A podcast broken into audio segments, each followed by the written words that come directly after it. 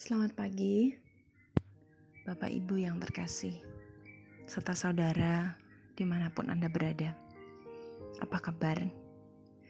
Semoga kita selalu dalam keadaan yang sehat.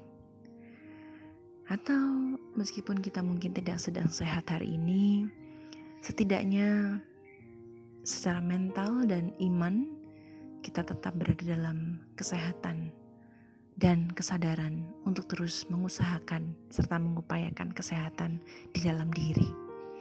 Karena apalah arti badan yang sehat kalau secara mental dan iman kita dipenuhi dengan kekhawatiran dan ketakutan. Bapak, Ibu, dan Saudara yang terkasih, akhir-akhir ini tentu kita mengikuti banyak berita yang membuat lagi dan lagi hidup dipenuhi dengan ketakutan tetapi izinkanlah saya membacakan sebuah bagian dari dalam Alkitab yang memang nanti akan terkesan panjang. Tapi saya memang bersengaja untuk membacakan semua ayat ini kepada Bapak Ibu dan Saudara dengan maksud kita akan dapat lebih mendengar atau membaca dengan lebih utuh dan mendapatkan begitu banyak berkat.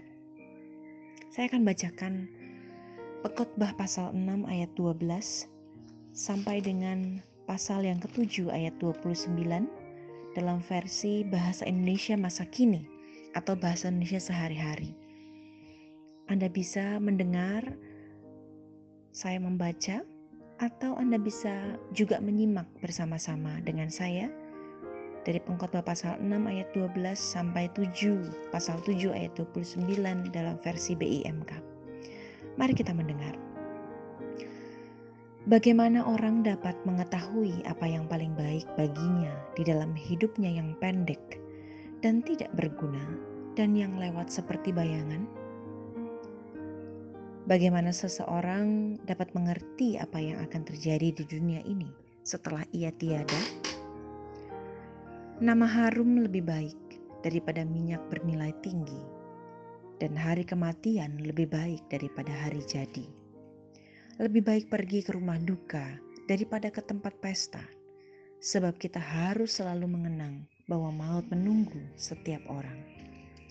Kesedihan lebih baik daripada tawa, biar wajah murung asal hati lega. Orang bodoh terus mengejar kesenangan, orang arif selalu memikirkan kematian. Lebih baik ditegur oleh orang yang berbudi daripada dipuji oleh orang yang sukar mengerti. Tawa orang bodoh tidak berarti, seperti bunyi duri dimakan api. Jika orang arif menipu, bodohlah tindakannya. Jika orang menerima uang suap, rusaklah wataknya. Lebih baik akhir suatu perkara daripada permulaannya lebih baik bersabar daripada terlalu bangga.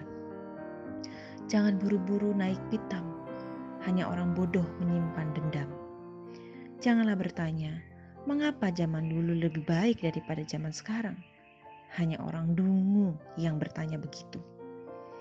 Orang hidup seharusnya berhikmat.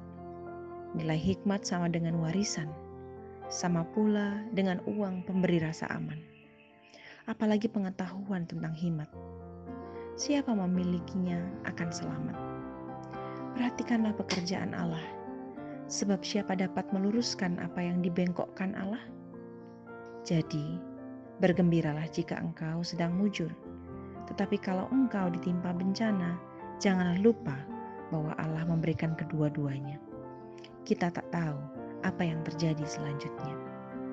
Hidupku tak ada gunanya, tetapi selama hidupku itu kulihat yang berikut ini ada kala orang yang baik binasa, walaupun dia saleh. Ada kalanya orang yang jahat panjang umurnya, walaupun dia terus berdosa. Janganlah terlalu baik dan janganlah pula terlalu bijaksana. Apa gunanya bunuh diri? Jangan juga terlalu jahat atau terlalu dungu. Untuk apa mati sebelum waktunya? Hindarilah kedua-duanya tadi. Jika kita takut kepada Allah, pastilah kita berhasil baik Hikmat membuat pemiliknya lebih perkasa daripada sepuluh penguasa di sebuah kota. Di bumi ini tak ada orang yang sempurna. Tak ada yang selalu berbuat baik dan tak pernah berdosa. Jangan suka mendengarkan omongan-omongan. Siapa tahu kau sedang dikutuk seorang pelayan. Engkau sendiri pun menyadari bahwa orang lain pernah juga kau kutuki. Semua itu kuuji dengan hikmatku, namun semakin ku cari hikmat itu semakin jauh ia daripadaku. Siapa yang dapat menemukan arti hidup ini? Terlalu dalam untuk dapat dimengerti. Namun aku aku tekun belajar dan mencari pengetahuan supaya mendapat hikmat dan jawaban atas segala pertanyaan. Aku mencoba mengerti bahwa dosa itu kebodohan dan kejahatan adalah kenekatan.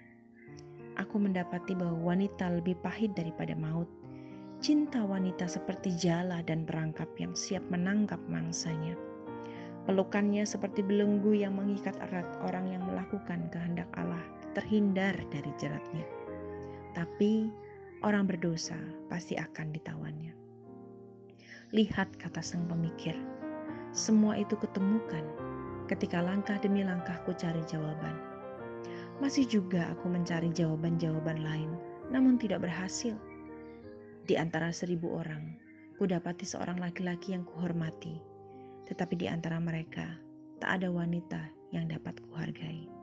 Mari kita dengar baik-baik di ayat yang ke-29, pengkhotbah pasal 7 ayat 29. Hanya inilah yang ku dapat. Allah membuat kita sederhana dan biasa, tetapi kita sendirilah yang membuat diri kita rumit dan berbelit-belit. Bapak Ibu saya sengaja membacakan seluruh bagian dari pengkhotbah pasal 6 ayat 12 sampai pengkhotbah pasal 7 ayat 29 versi bahasa Indonesia masa kini. Karena dari setiap kata mengandung, mengandung begitu banyak hikmat Bapak Ibu yang terkasih, setidaknya ada dua hal yang dapat kita sarikan dari bacaan yang panjang ini. Yang pertama adalah bagaimana pengkhotbah mau mengatakan kepada kita bahwa kita sebagai manusia sebenarnya tak mengerti apa yang akan terjadi dalam dunia ini. Karena semakin hari dalam kenyataan di tengah-tengah pandemi ini, kita sedang belajar dan diajar untuk mengerti bahwa hidup kita ini begitu singkat Pengkhotbah mengatakan bahwa hidup yang pendek dan tidak berguna dan yang lewat seperti bayangan, apa yang kita mengerti? Tentu jangan diterjemahkan seharafiah itu ya, karena memang kita pengkhotbah bahasanya penuh dengan bahasa-bahasa satir yang sebenarnya sedang mau menyadarkan kita tentang apa yang sesungguhnya terjadi dalam hidup ini. Kita tak mengerti tentang apa-apa. Kita tak, tak, tak tahu tentang apa dan itulah yang menjadi kenyataan kita. Meskipun dengan begitu banyaknya pengetahuan, kita mampu untuk meramalkan atau menebak masa depan. Ya, tentu. Tetapi sejatinya kita tak pernah tahu apa yang akan terjadi. Itu yang pertama. Dan yang kedua adalah bagaimana sebenarnya Allah sedang mengajarkan kepada kita tentang sebuah kesederhanaan hidup dan tentang bagaimana hidup menjadi orang-orang yang pada akhirnya mengerti bahwa kita ini hanyalah manusia biasa. Kesederhanaan bukan hanya diartikan dalam berapa banyak jumlah uang dan tabungan yang Anda punya, bukan. Kesederhanaan itu berarti tentang kesederhanaan dalam hidup, dalam berpikir, dalam beriman, dalam menjalani setiap hari yang adalah kesempatan dan anugerah yang luar biasa. Seringkali pikiran kita terlalu rumit, sering kali kepandaian kita terlalu tinggi sehingga kita tidak pernah dengan begitu sederhana dan biasa menikmati setiap hal-hal yang luar biasa yang sebenarnya terjadi. Hangatnya sinar mentari, tawari yang anak-anak, sapa dan pelukan orang-orang yang kita kasihi. Keadaan seperti ini terutama bagi kita yang berada di rumah kita sedang diajar untuk sederhana dalam pola pikir, pola beriman, dan pola hidup. Sederhana untuk menikmati apa yang kita bisa nikmati hari ini, sepenuh-penuhnya di hari ini. Cobalah untuk hidup sepenuh-penuhnya hari ini. Cobalah untuk terus belajar dan mengerti bahwa kita ini manusia yang lemah dan rapuh dan tak mengerti sesungguhnya apa yang akan terjadi. hiduplah di hari ini. Kita akan selalu menemukan kekuatan di tengah badai. Selamat hidup hari ini, Bapak, Ibu, dan saudara yang terkasih, di mana pun Anda berada. Selamat merasakan setiap hembusan nafas yang Anda hirup dan Anda keluarkan. Selamat menyadari setiap gerakan tubuh yang masih bisa kita lakukan. Selamat menyadari dan merasakan ada begitu banyak kekuatan yang Allah berikan melalui hal-hal yang sederhana dan biasa. Dan hal itu menawarkan kepada kita kekuatan untuk menghadapi hari-hari ke depan. Tuhan memberkati kita. Selamat pagi, Tuhan Yesus memberkati.